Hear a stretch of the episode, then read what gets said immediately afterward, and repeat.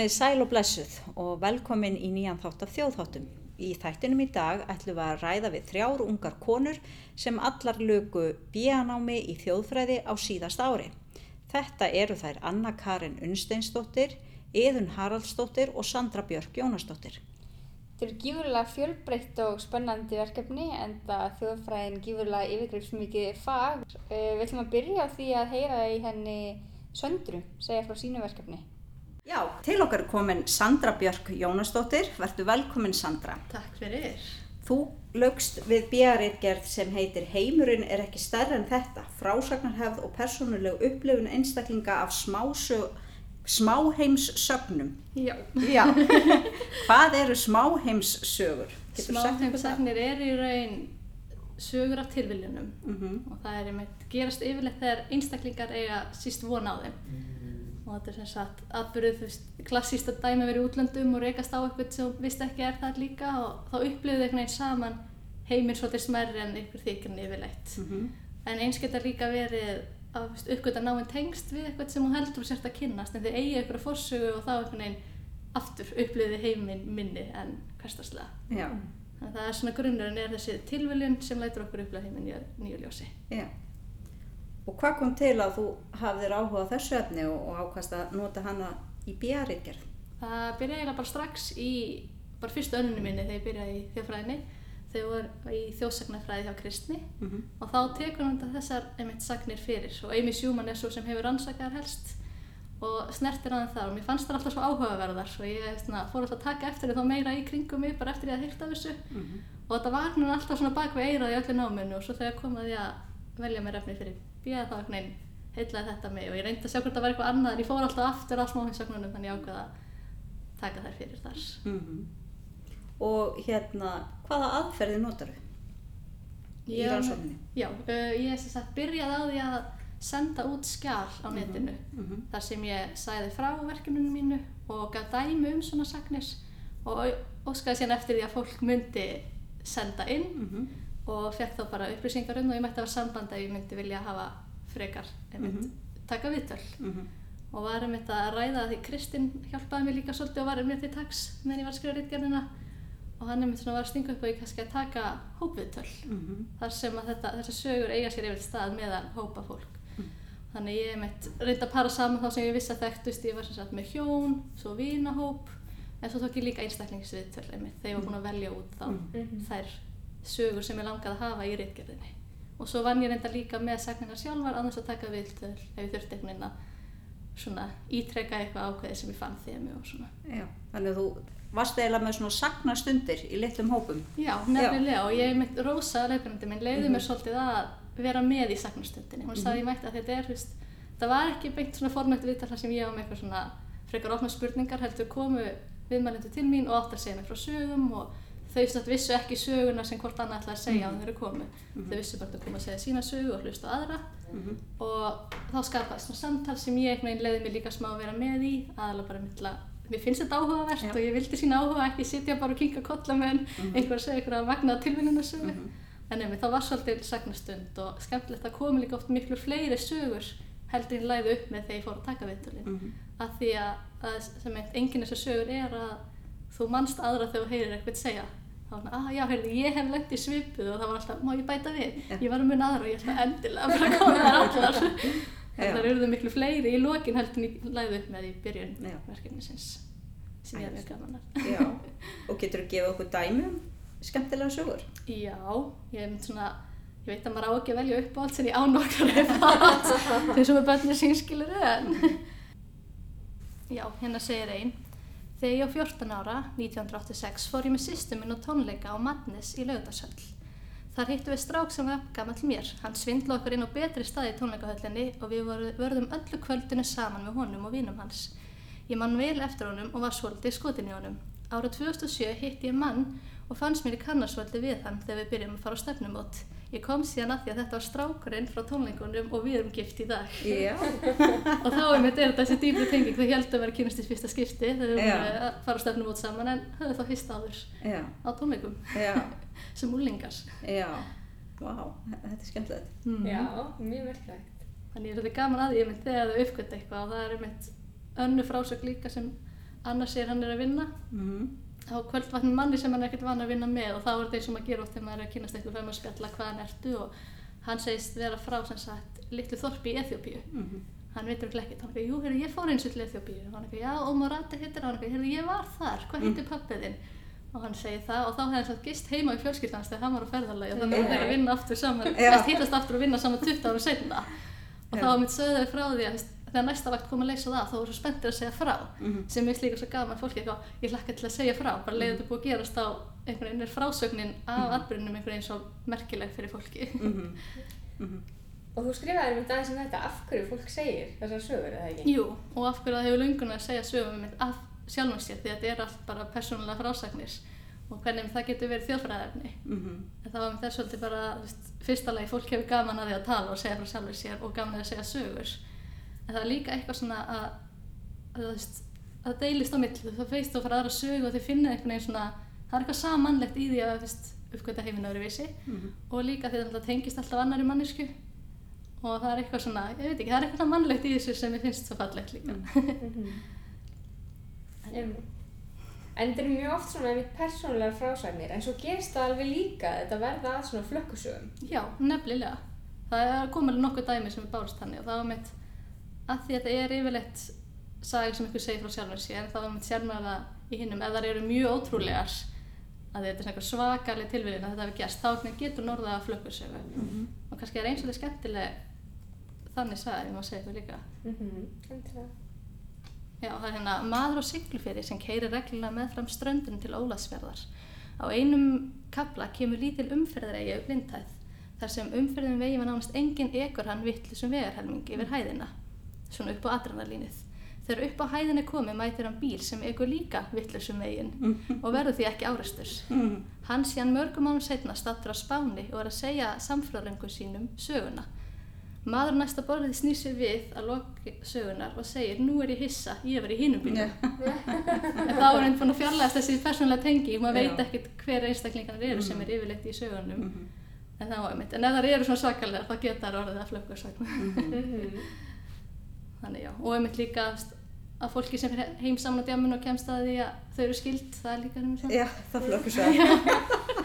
þá er óafið lítið heimur það er svona Ísland, Íslands dæmi Já. Já, einmitt, maður heyrir oft í svona, bara í samræðum einmitt að því ég hugsa að þessi margir sem tengi við þetta efni mm. einhvern veginn hafi heyrt svona sögu eða eigi svona sögu og svo heyrir maður oft í samræðum svona einmitt að heimurinn sé svo lítill eða Ísland sé svo lítið land Já. Er eitthvað sem er um, sér íslenskt, veistu það, hvort að þetta er vel þekkt annar staðar líka? Þetta er alveg alþjóðlegt og ég er svona lent í þessu veginn eins og algoritminn. Mhm. hann er fann að senda svona sögur til mig á netinu. Bara hérna og þannig heiminu sem ég er mjög gaman af og líka fólki í kringum mig fara að senda mér eins og dagur hún sendi mér um daginn. Ég er alltaf mjög þakklátt þegar ykkur sendi mér því ég er mjög gaman af þessum frásögnum. En þetta virðist alveg vera einhvern veginn bara allstaðan alltaf og þetta er svona upplöðu heiminn. En það er einhvern veginn eins og Íslendingar séu einstaklega áhuga samir og eftirna samir eftir þessu og ég myndi þess að við segjum, þá eru sömur vitur sem maður kemst eiginlega ekki útlanda án þess að rekast á annan Íslending Nei. við erum einhvern veginn svo ábyrgandi í þessum stóra heimi þótt að við séum lítil þjóð Mhm.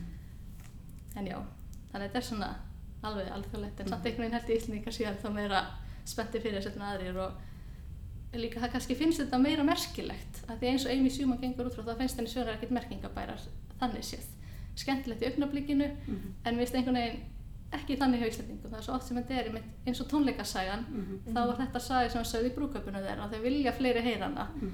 og svo var einmitt önnur sem komist að því að þetta voru að fara í gegnum dánabú og sjá fermingarskeiti sem að amman hefði sendt manninum og þau vissi ekki fjölskyldu þeirra tengdust fyrir. Já.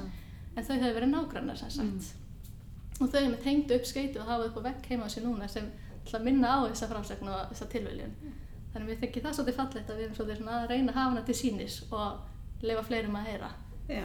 sem er kannski ekki og það er mitt önnur sem er barst bara eftir að ég var búin að skrifa reitgerðina sem vinni mínu þess að búa í íbúðu í Vesturbænum. Og svo er einhver gummur frænki heimsókn og segir vinni mínum að ammans hafði unnið á hattaverstaðinu sem var einmitt í þessari íbúðu í gamla dag Mm. og hún hefði unnið við að sauma hatta í þessu húsi. Og það stendur hún á vegnum hjá þeim hér saumaði langama hatta. Og þá er veginn aftur verið að hafa þetta og líka einhvern veginn ég held að búi svolítið til samtalið um frásögnin. Þannig að þú veist, fólk spyr býtinu og þá fær fólki að segja sögun aftur sem það hefur gaman að þannig að Já. það er svona einhvern veginn að framkalla það fá að segja hann aftur og aftur. Mhm. það er eitthvað svona dýpri tilfinning kannski. Já, einhver svona tengsl í gegnum. Já.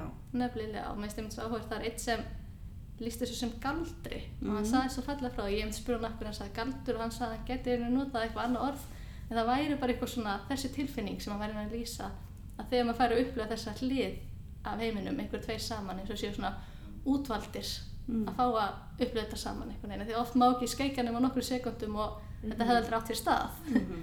þannig fólk er líka einhvern veginn reynir að í að því að þetta hafi verið mjög mikið tilvunum þegar segir svona eitthvað, ég var bara í útkverfi ég var ekki í köpinn, ég var sko í útkverfi og það er alltaf eitthvað ítt undir þetta tilviljun og þetta sé eitthvað magnað. Mhm.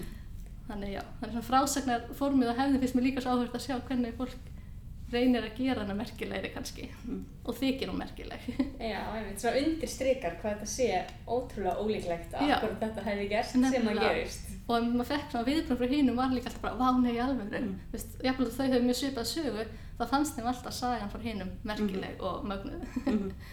þótt að þau verður með, með svipað sögu og einmitt, það sem ég þú veist, hef líka komið staði þegar ég talaði um reitgerinu við fólk eftir á að og sannar svolítið eina svona kenninguna mína hana er að leiða eitt segir sögu þá segir annars Mhm. og ég lend alltaf við þegar ég tala um þetta og ég er búin að segja frá það fólk þetta ég er með sögu er hvað er með hana endilega þannig ég er mjög gaman að því hvað ég er að ná að sanna líka bara í mínum samskiptum Mhm. dæla þetta er alveg.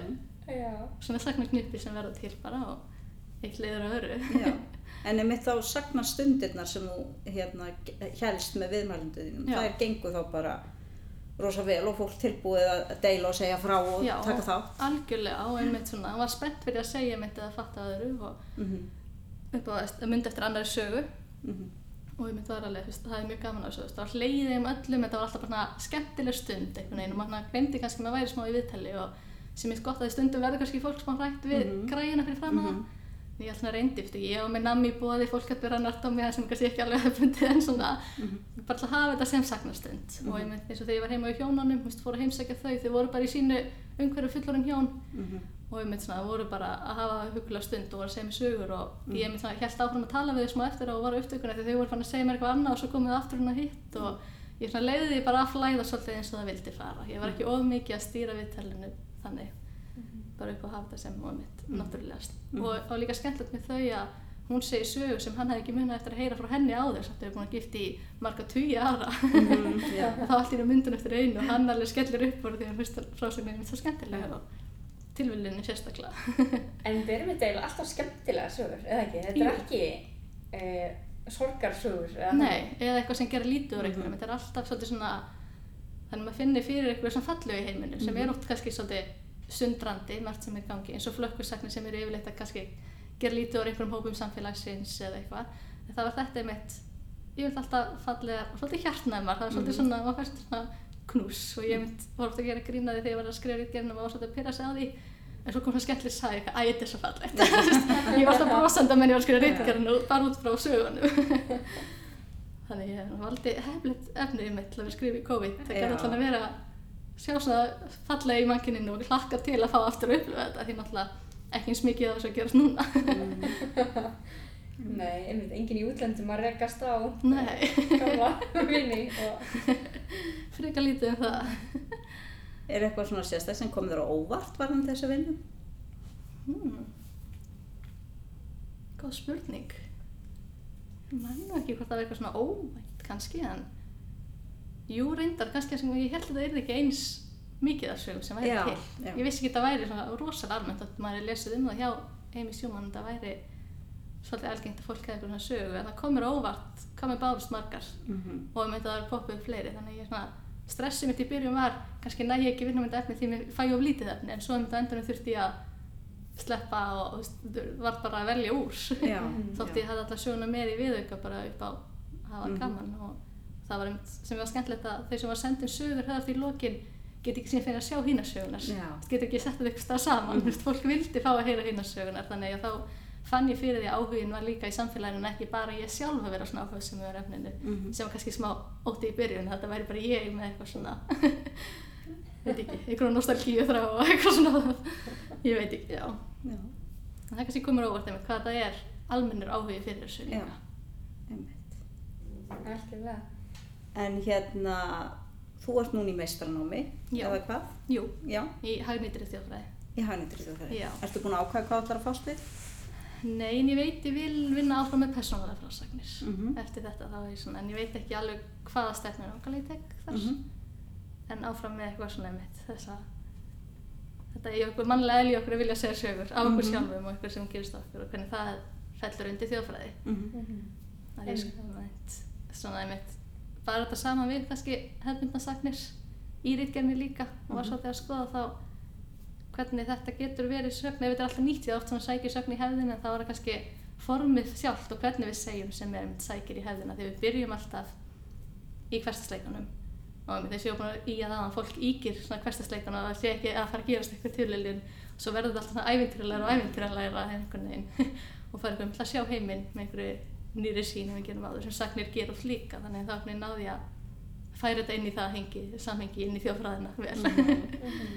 Þannig að það var eitthvað sameinlegt með svona öðrum sögum sem við segjum en, en eitthvað ólíkt líka. mm og mér finnst einmitt líka því það svona endar yfirleitt alltaf á lítill heimur ekki satt, þetta er nú lítið land sem er líka búin fram fyrir spurning sem er svolítið skemmtilegt og þetta er einmitt svona eitthvað svona frásagnarfór sem er bara fast við þessar frásagnir og, og líka ólíkt öðrum sem svona eins og ævintýri bara, nú er ævintýri búið, það er svona lokað á það þá er þetta svona, finnst ykkur ekki skilur og býður upp og samtalið eftir á ólíkt kannski öðru, þá er eins og fólk vilja fólk ræði söguna sína áfram og komi aðra tilbaka sem er líka áhugavert. Og sannaðist oft einmitt að fólk endaði líka þegar skrifaði með textan þá var oft komið í lokin bara eitthvað merkilegt ekki satt eitthvað svona. Fólk finnst einmitt svo gaman að ræða þetta líka.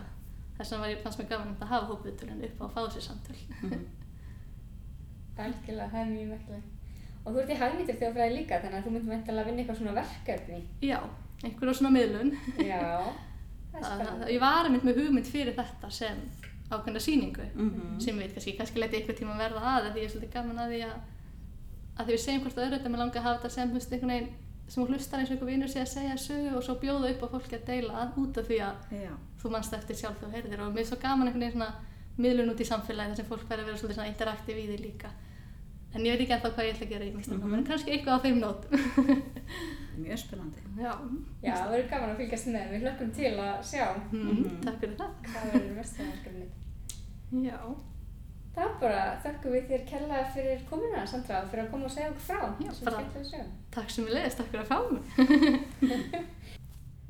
Já, smáheims sagnir, þær eru sannlega áhugaverðar og hérna gaman að uh, skoða sagnamenningu og þá merkingu sem fólk leggur í sagnir sem það segir.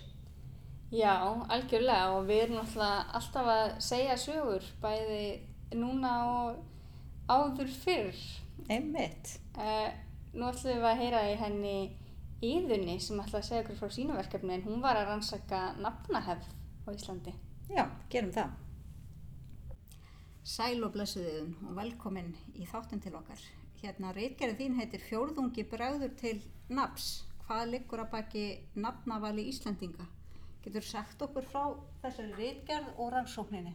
Já, um, þessi rítkir kom til af því að ég ber nafnið Iðun sem að er kannski ekki sérstaklega auðvelt að skilja annað en kannski Dagrún sem er nokkuð auðskilið, leyndamál dag, dagsins. Ég veit ekki hvað Vilhelmína eh, merkir.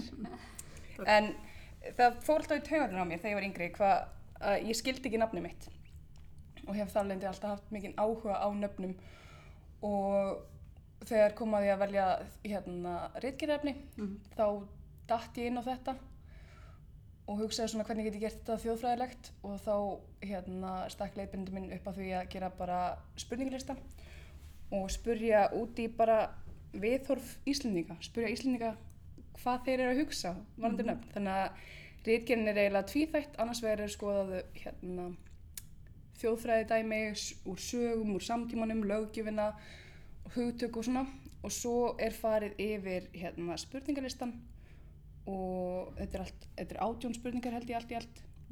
Og fólk er spurt út hvaða ber mörg nöfn, er einhverjar hefðir í fjölskyldunni? Um, og hvort það trúi á máttnafna, hvort það hvort það finnst það eins og fólk þurfi, eða nöfnin þurfi að passa fólki. Og það er mjög áhugavert að það var hæsta jákvæða hlutfallið af öllum spurningunum, það var 70% sem sögðu já að nafnið þarf að passa mannskunni sem berða sem er mjög áhugavert.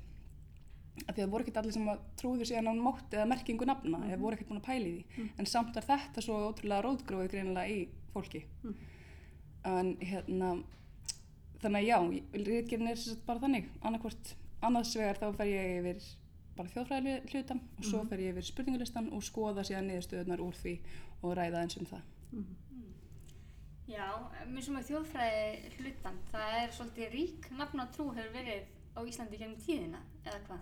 Jú, sko eins og bara hérna nafni á rítgerðinni gefið til kynna uh, fjórðingubræður til nafns, þetta er eitthvað sem hefur lifað í munlegri geimd lengi þessi, hérna hvað maður segja, kenning. Að fjórðingubræður til móður og fjórðingubræður til föður, fjórðingubræður til fóstus og fjórðingubræður til nafns. En hins vegar er mjög erfitt að finna þetta rita niður einhver staðar nema kannski fyrir svona einhverjum hundra árum síðan.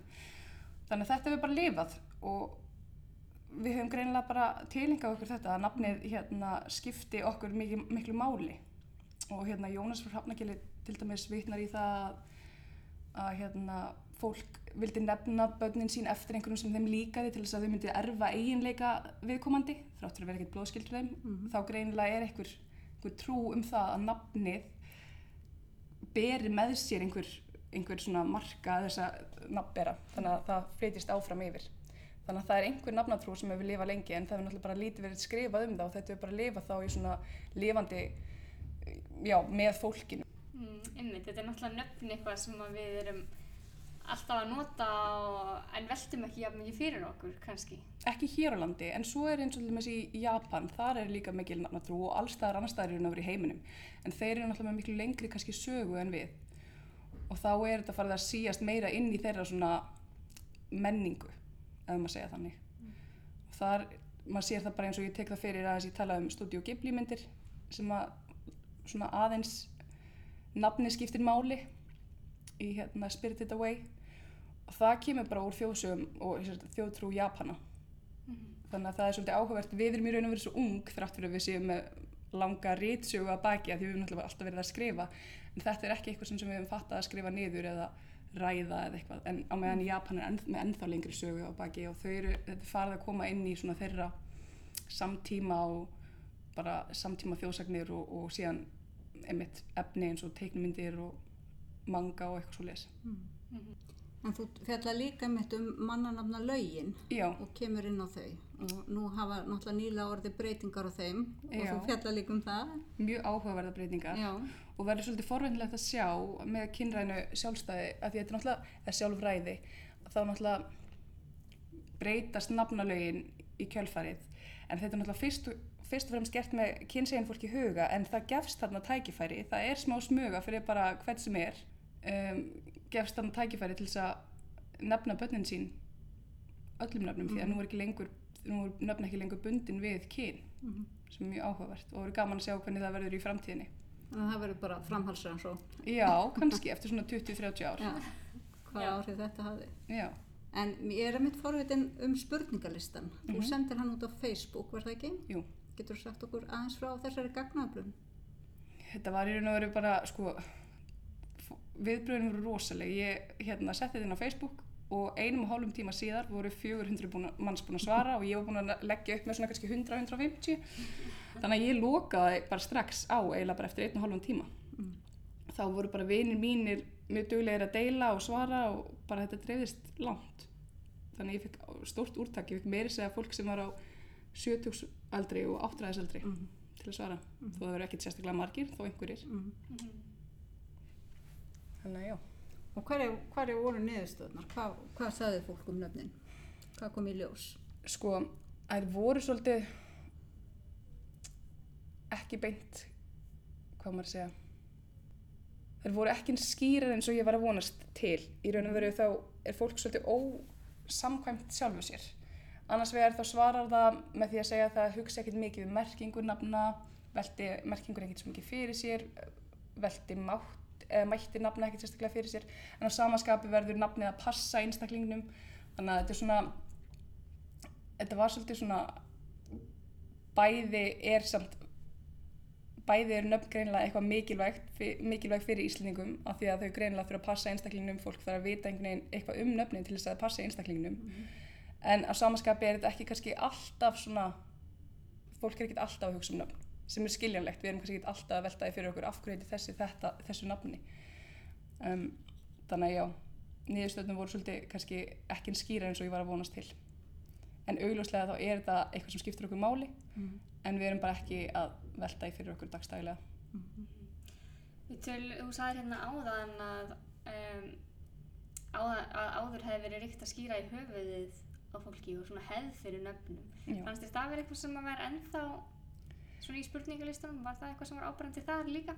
sko eldra fólk sem að fólki sem var að svara spurningalistunum það var hérna meir hlutan þeim var nefndur í höfuð af fólki og síðan var svona val fyrir alls að spurningar ef fólk átti börn og þá fekk ég að vita hvað hvort að börnin þeirra voru nefnd í höfuð á einhverjum.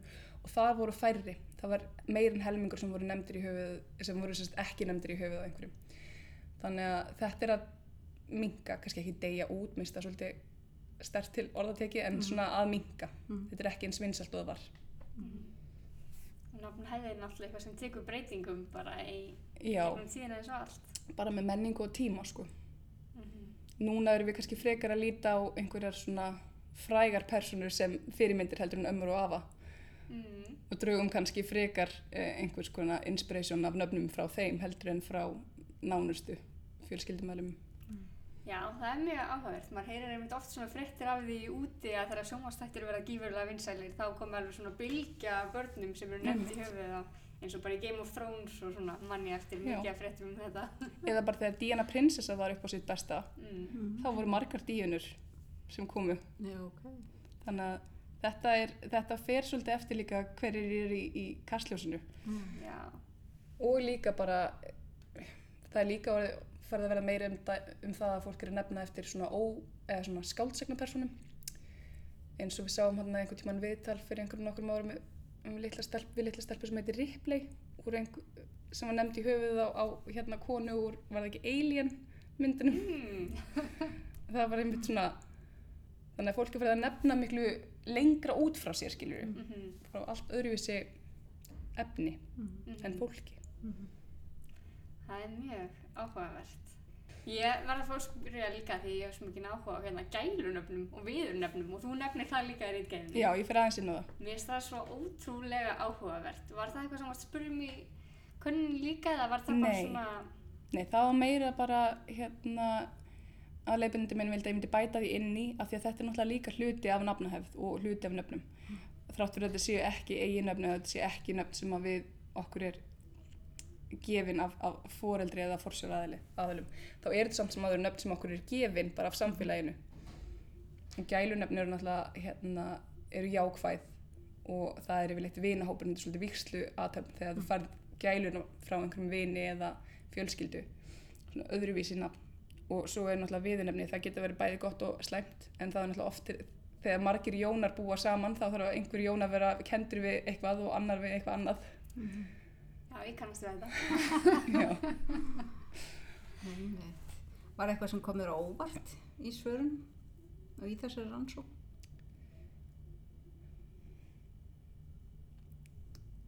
Nei, í sjálfu sér kom mér ekkert óvart nema kannski þessi eina spurning sem ég hef rætt svolítið um sem að er það að fólk uh, var af, algjörlega á því að nafni þarf að passa einstaklingunum og mér finnst þetta svolítið áhugavert að maður pælir í því að því að það var ekki endilega að segja að það var að hugsa um merkinguna eða máttinn eða neitt en bara það að það þurft að passa einstaklingunum en hvernig veistu þá hvort að nafni passi viðkomandi ef þú veist ekki hvað nafni þýðir og þekki kannski ekki persónuleika einn viðkomandi.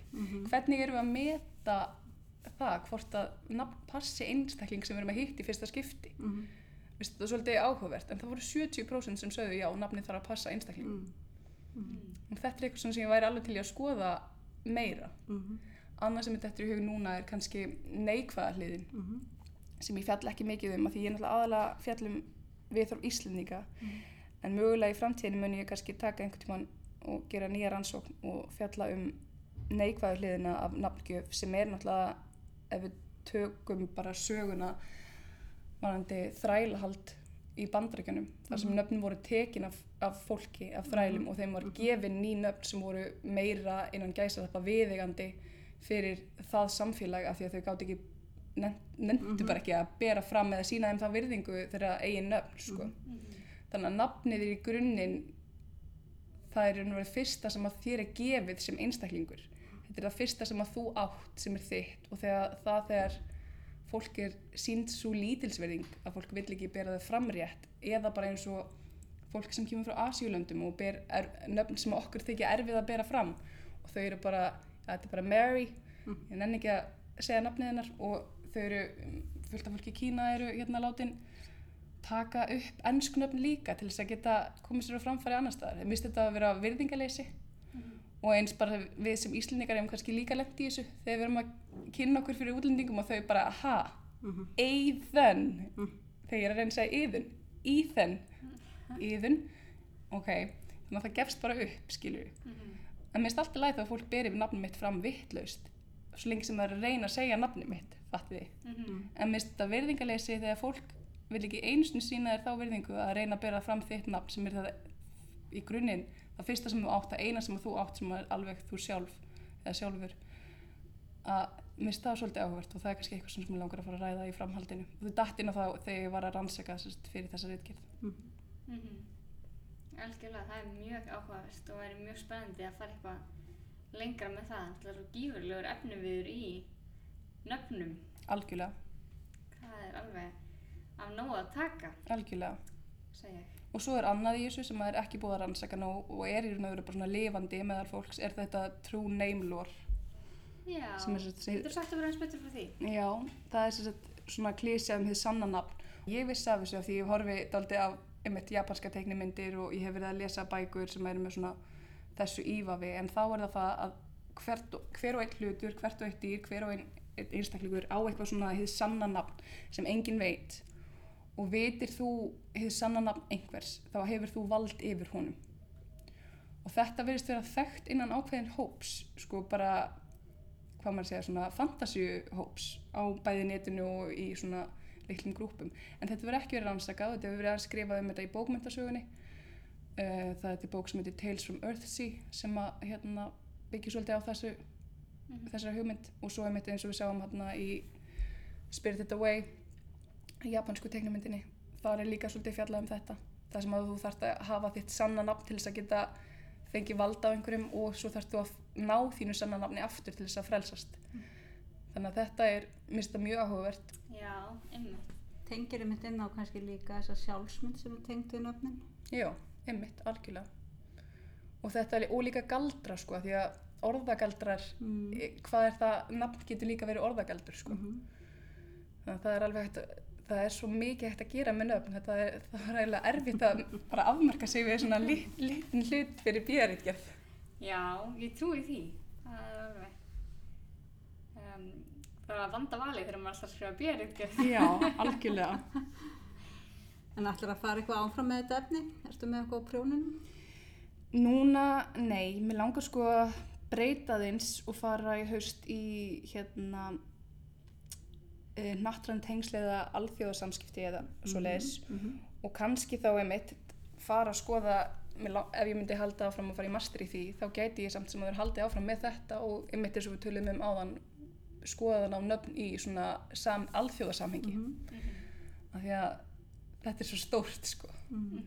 Og mér finnst það svo mikilvægt eins og ég sagði þann að nöfnin eru það fyrsta sem við kynnum okkur með, það er fyrsta sem við lærum um manneski, það er fyrsta sem við fáum þegar við fæðumst inn í þetta líf og bara það að sína hvort öðru virðingu að bera það fram eða reyna að segja nafnið rétt fyrst mér vera að skipta við öllu máli. Þannig að ef ég myndi halda áfram með þetta í mastersriðgerð þá myndi ég ábyggilega fara út í einhverja svoleiðis salma Já, það er mjög spennandi og ég hugsa að alþjóða samskipti og þjóðfræði fari mjög vel saman. ég held það nefnilega líka. Algjörlega. Þetta myndi passa vel. Þannig að, En að lokum, hérna, hvernig getur þú sagt okkur frá þinni svona upplifun á náminu í þjóðfræði? mjög skemmtilegt nám, verði ég að segja. Og mér finnst það aldrei líjandi. Auðvitað náttúrulega sumir hlutir í þjóðfræðinu sem mér, ég hefði minni áhuga á og aðri hlutir sem ég hefði meiri áhuga á og það sést náttúrulega bara á einhvernum hjá þeim áfengum. En alla jafna þá myndi ég segja að allt þjóðfræðinámið í heilsinni væri bara ótrúlega áhugavert og skemmtilegt og þú ert alltaf að læra eitthvað nýtt. en samt er þetta bara eitthvað svona eins og um hverstags hluti en sem mm einhver sem maður hafði ekki pælt í áður Mm -hmm. mjög áhugavert, Mhm. mæli með fyrir alla Þetta heiminn væri betri að vera fullur af þjóðfræðingum Ég held að það sé mjög góðu loka orð í Já. þessu viðtali. Takk kærlega fyrir þetta. Iðunn. minnstamáli, takk fyrir mig Já, þetta voru nöfnin, aldrei margt sem er að velta fyrir sér í þessu sambandi. Já, tengslum við nafngiftir og nafngifta hefðir. En þá ætlum við að snúa okkur að þjóðbúningnum en hérna það er nú aldrei smart sem hægt er að ræða í tengslu við þjóðbúningin. Og það er Anna Karin Unnsteinsdóttir sem ætlar að segja okkur frá því. Sæl, Anna Karin. Nú skrifaðir þú mjög skemmtilega ritgerð sem heitir Helgigripur eða Vissluklæði, reglufesta og hefðarofi í nótun íslenska þjóðbúningsins. Væri til að segja okkur aðeins frá ritgerðinni? Já, uh, já, ég sem sagt skrifaði þessi reitgerð í BA-náminu mínu. Ég útskrifast með í þjóðferði sem sagt síðasta vor, uh, 2020 og ákvaða að skrifa um þjóðbúninga. Ég var búin að hugsa það svolítið í smá tíma, ég hef lengi haft áhuga á þjóðbúningum og alveg síðan ég var lítil og þá sem sagt uh, var ég alltaf að hugsa út í þessar reglur sem að mér fannst vera. Að mamma mín sem sagt um, á upplut sem hún gifti sig í og ég átti svona badnabúning og með badnabúningunum fylgdi hattur sem að heitir bátur sem að mér fannst alltaf ógeðslega ljótur og asnalegur og vildi bara ekki vera með hann. Uh, en mamma sagði alltaf að ég þyrfti að vera með hann allavega einni mynd af því hann fylgdi með og hann ætti að vera með. Og hún var sjálf alltaf með skottúfuna og var alltaf að hugsa þú veist hvernig á ég að reyma upplutin þannig að hann sé réttur og ég svona alveg í smáatriðum og þegar ég fór í þjóðfræðina þá hérna held ég áfram að hugsa um þjóðbúninga og fór svo að hugsa mynd út í þessi reglur. Um, af hverju maður þyrfti að reyma búningar rétt hver segði það og hvort að fólk vildi yfir höfu gera það. Og þeir sem vildi ekki gera það hvernig verður það að gera það öðruvísi Mm Þannig ég ákveð að skrifa um um þetta, þessa reglubrjóta og svona óhefbundna þjóðbúninga og úr var þessi reitgerð. Þannig að, Já, einmitt. Þannig að þú tókst viðtöl þá við fólk sem notar þjóðbúningina óhafbundin hátt eða? já, ég tók sjö viðtöl. Ég ákveð að taka tvö viðtöl við sem sagt svona fagmenn, Mm um, sem sagt tvo kennara annars vegar uh, hjá heimilisina félaginu sem er með þjóðbúninganámskeið og svo hjá Annriki og þær eru báðar sem sagt saumabúninga, kenna um, saumabúningum og er að fræða. Þannig ég fór tók viðtal við með tvo svona fagmenn til þess að fá þeirra álit af því að ég líka bjöst við að þessar reglur innan Gasalabba kemur frá þeim og svo tók ég viðtöl við um, hvað, fjóra aðila sem nota búningin öðruvísi eða finnst í lægi að aðri noti búningin öðruvísi. Og svo eina konu sem að vill ekki láta, uh, láta nota búningin öðruvísi svona sem hérna, til að fá annað viðhorf. -hmm. og það sem að sem sagt kom svolítið fram það náttúrulega var kannski meiri hluti viðmælanda sem vildi nota búningin öðruvísi þannig að það var starkara kannski viðhorf. En það sem kom fram er að yngri kynnslóðin vill síður nota búningin á réttan hátt innan gæsalappa.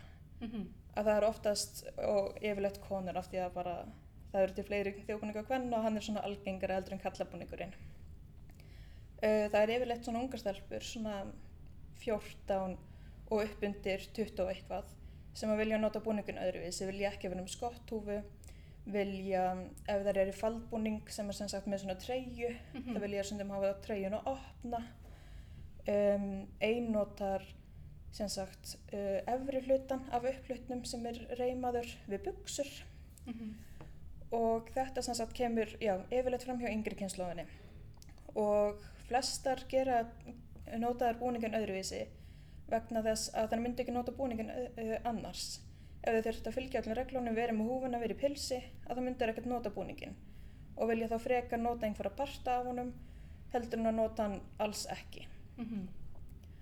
og þetta sem sagt, svo var ég á annað sem að tengast þessum, þessum aldri er að sem sagt ég talaði við eina móður sem að á um eitt stelpu sem að vill hafa treyjuna á faldbúningnum sínum opna og, og hérna verið með svona ímislega aukalhuti sem varu kannski ekki samþyktar af öllum Mhm.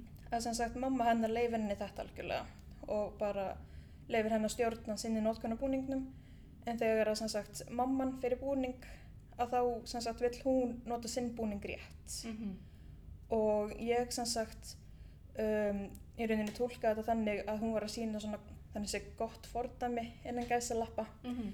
með því að um, leifa stelpunni að bara gera það sem hún vildi að meðan hún var ung. En svo myndi hún kannski uh, setna meir horfa mömmu sína já mamma gerði þetta svona. Ég ætti kannski að nota pilsið meira eða ég ætti kannski að uh, neppa treyjunni. Mhm. eða eitthvað þannig. Og ég svona býst allan við því út frá þessum gögnum sem ég um, sem ég eflaði að þessi búningar sem sagt þótt að nótkunnin haldi áfram svona að sömur vilji breyta að þá breytist þeir aldrei algjörlega Mhm. að það varði alltaf einhverju þessi eldri kynslu sem að vil nota búningana aftur rétt en ekki að þessi lappa og þá haldist það við og það verður bara svona meira svegrum utanum þetta til að gera það sem maður vill þegar maður er kannski yngri. Mhm. Einmitt. Já, við talaðum minna áðan um þetta og þessar reglur og að vera í þjóðbúningnum rétt. Hver ákveður hvað er rétt? Það er rosa góð spurning.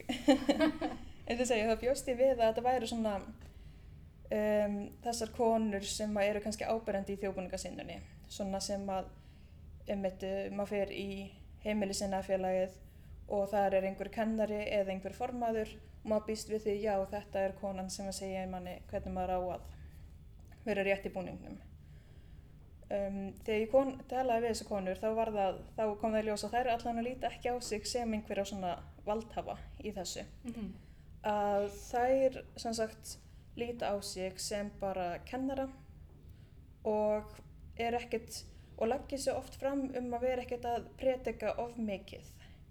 Að þær svona leggja fram það svona búningurinn oft notaður, venjulega er skotthúfa við en þær segja aldrei beint þú verður að nota skotthúfu eða það er rámt að vera í buksum. Mhm. Þannig að það er svona þessi yfirliggjandi um, staða að þannig að það, það er þetta er allt mjög loðið nefnilega. Það er alltaf stannið, það er ekkert svona ein leið heldur margar sem er rætt að fara. Nefnilega, það er einhvern veginn, já svona þetta viðþorf að þessi háttsettu segi hvernig búningarnir eiga, eh, eiga að vera notkaði, notaðir en svo er það í rauninni bara alþýðan sem að kannski tekur að meira á sig að segja fólki hvernig á að nota búningin Mhm. og það hafa margir heyrt um þjóðbúningalöggur Mhm. og ég allavega ímyndaði mér alltaf um þetta það var þessar konur uh, sem að færu bara ef þær um, varu nýri bæ á 17. júni og það verið stelpa sem var ekki með skottofu að það færi þær upp á hana bara hvar er skottofaðinn hérna farðu heim að setja hana á Mhm. en það verðist ekki vera þessar konur í, í þessum félögum heldur bara almennt fólk sem að uh, finnur þessa þörf hjá sér að uh, búningurinn sé uh, að það sé fara rétt með búningin Mhm. og það er rauninni með það er engin leið svona að hérna, að koma að því þannig sem hverjir þetta eru þetta er bara einhver um, þörf sem er oft byggð á um, svona for, uh, fortíðarþrá Mhm. og þjóðarnishyggju í rauninni að já, það er einhver svona þörf í þessu sem að kviknar út frá einhverjum hugmyndum sem þetta fólk hefur um að svona uh, konurnir í gamla daga Mhm. voru alltaf í pilsum og á öllum myndum er eða með skottofu þá verður maður að vera eins og þær og sína þeim virðingu oft með því að vera eitthvað afskræma búningin Mhm. eða eitthvað þannig. Mhm. Einmitt. Og núna er einmitt búningurinn er á svona ákveðnum stalli líka sem svona menningar arfur og þú skoðar hann aðeins út frá því líka, eða ekki? Jú, algjörlega.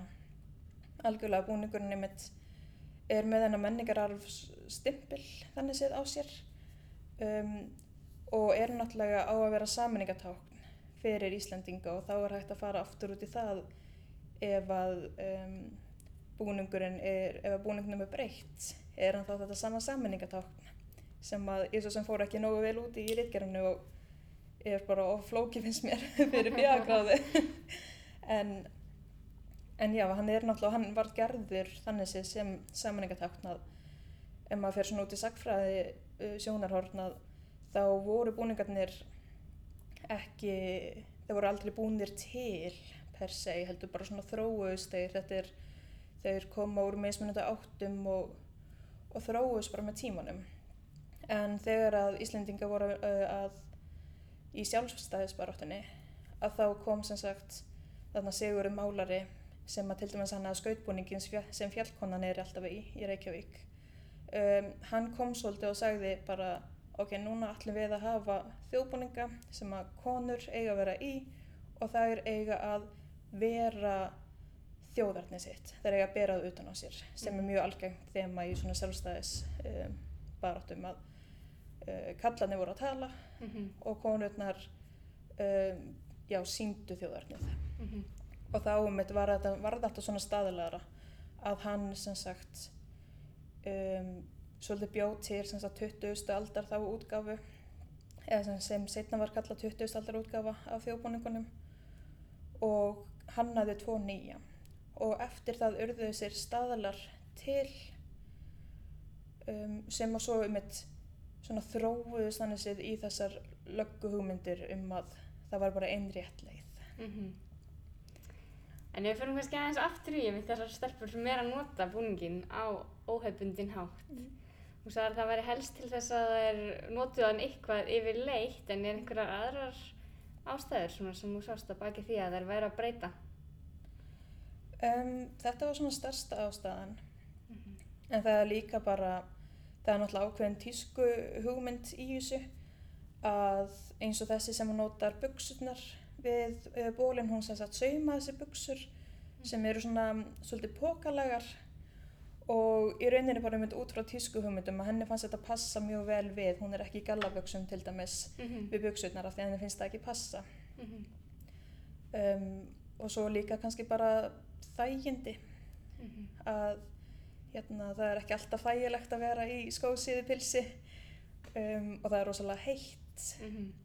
það er ekki alltaf þægilegt að vera með skottúna og þurfa að, hérna, næstu að týta í hérna, höfuleðir á manni til þess að halda henni á og bara já, alls konar alls konar þæg, um, þægindi sem er hægt að breyta kannski og þjóðbúningurinn er ekkert endilega alltaf þægilegur Nei. Einmitt. já, þetta er svona þetta er svona það helsta, tíska, þægindi og, og nota búningin Mhm. Einmitt. En notaði hann ennþá svona spari eða? Já, það verður sverið sko. Það, hérna, það var enginn sem ég talaði við sem að nota búningin bara hverstags eða á sunnudöfum eða eitthvað þannig. Að það var alltaf eitthvað svona sérstakt tilefni, uh, svo sem miðstór í rauninni. Að svona kannski almennt er að fólk nota hann á 17. júni, kannski 1. des eða við brúðkaup eða útskriftir eða eitthvað þannig. En svo er líka bara mikil sko vitundavakning þannig séð hjá öllu þjóðbúningasamfélaginu að nota búningana meira.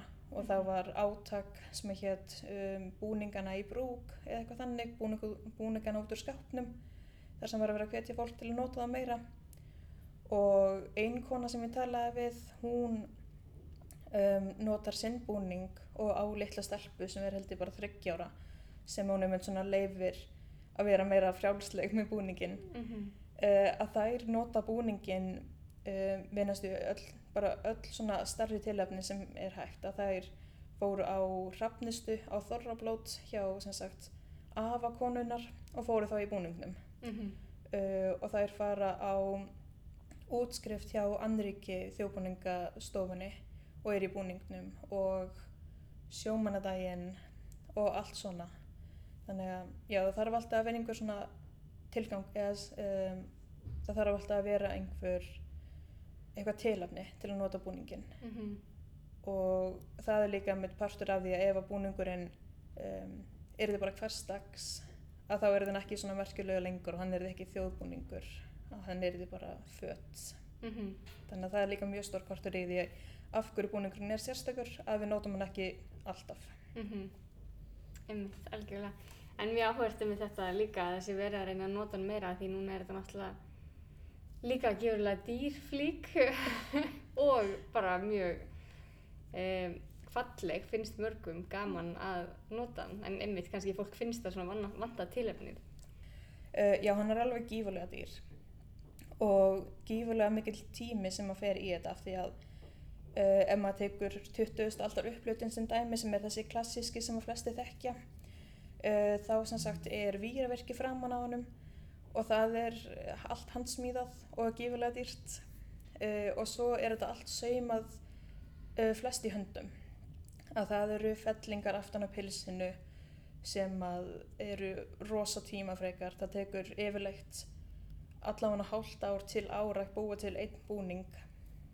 Og þá náttúrulega vill fólk fara rosa vel með þetta og vill ekki nota þetta hvena sem er. Og það kom líka fram í uh, viðtölum hjá mér að það er ekki flestum finnst ekki við hæfi að fara í búningnum til dæmis á barinn ef þau vita þau að þau eru að fara á eitthvað fyllir í Mm að fólki finnst alveg í lægi ef það eru ef það er hérna 17. júni niður í bæ og þau hoppa inn á einhvern bar fá sér eitt bjór eða gósa eitthvað þannig en er ekki endilega að fara að djamma. -hmm. að það er svona mitt síni bæði verðingu fyrir búningnum og líka bara verðingu fyrir handverkinu.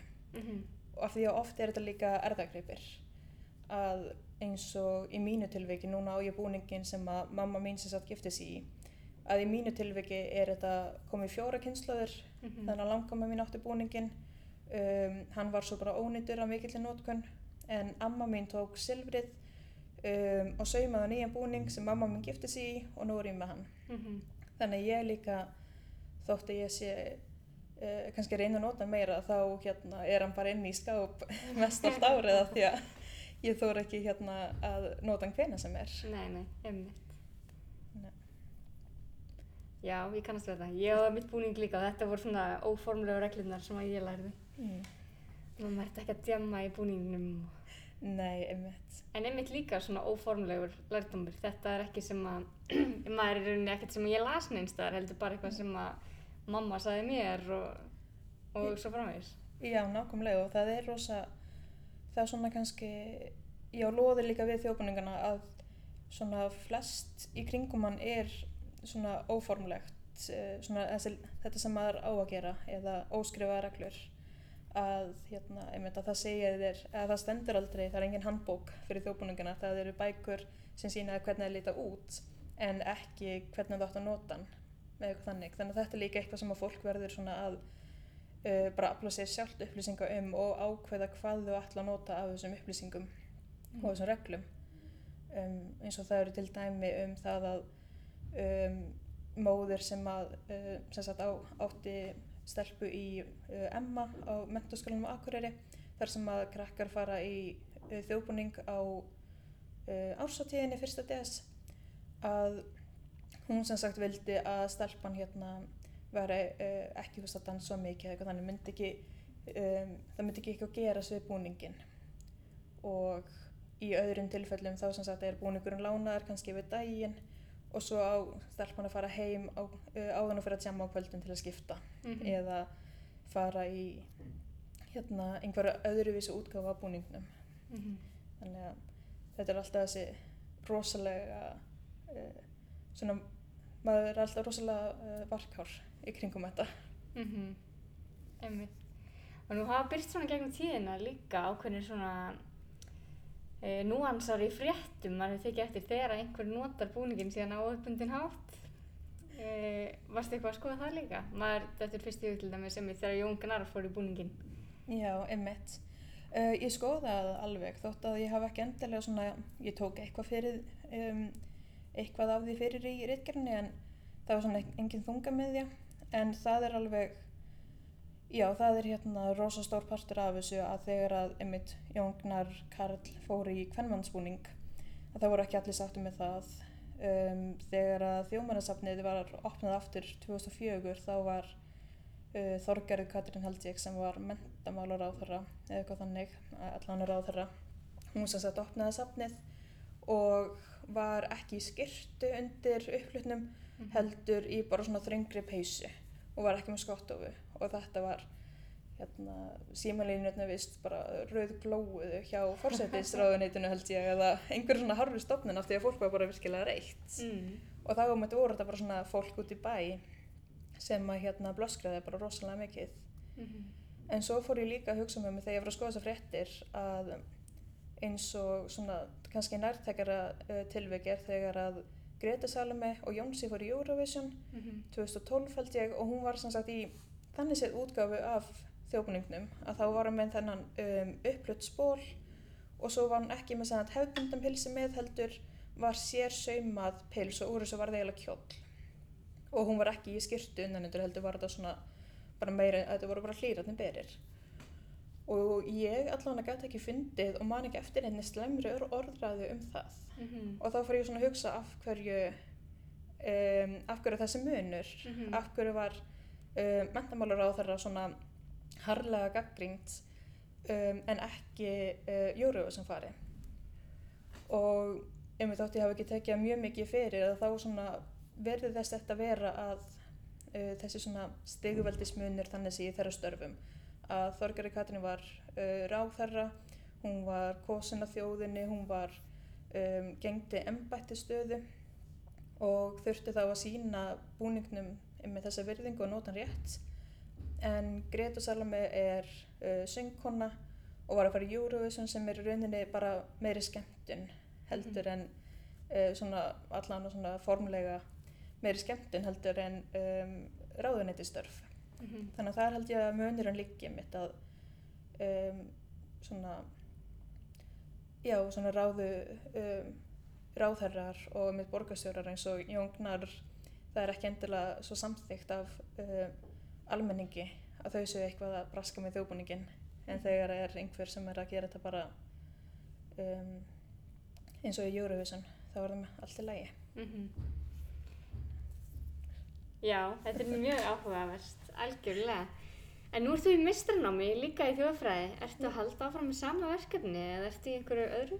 Um, já, ég er sem sagt, ég byrjaði í meistranám í hagunýttir í þjóðfræði bara í um, haust, þannig ég er á annar önn og ég er að halda áfram í þjóðbúninga, ekki Ok. endilega óhefmyndna en ég sem sagt eins og staðan er núna þá verður meistaraverkefni mitt líklegast um uh, þjóðbúninganótkun í framhaldsskólum eins og þarna í mentaskólunum og svo peysufattadagar hjá Versló og Kvennó og mér langar til að sjá svona mitt af hverju þessi dagar eru haldnir, hvað krökkunum finnst um það og um, tala við sem sagt uh, nefendur, núvarandi nefendur, kennara, fólk sem að hjálpar krökkunum í búningana og líka eldri nefendur og svona hvort að þetta skilji eitthvað eftir sig. Mhm.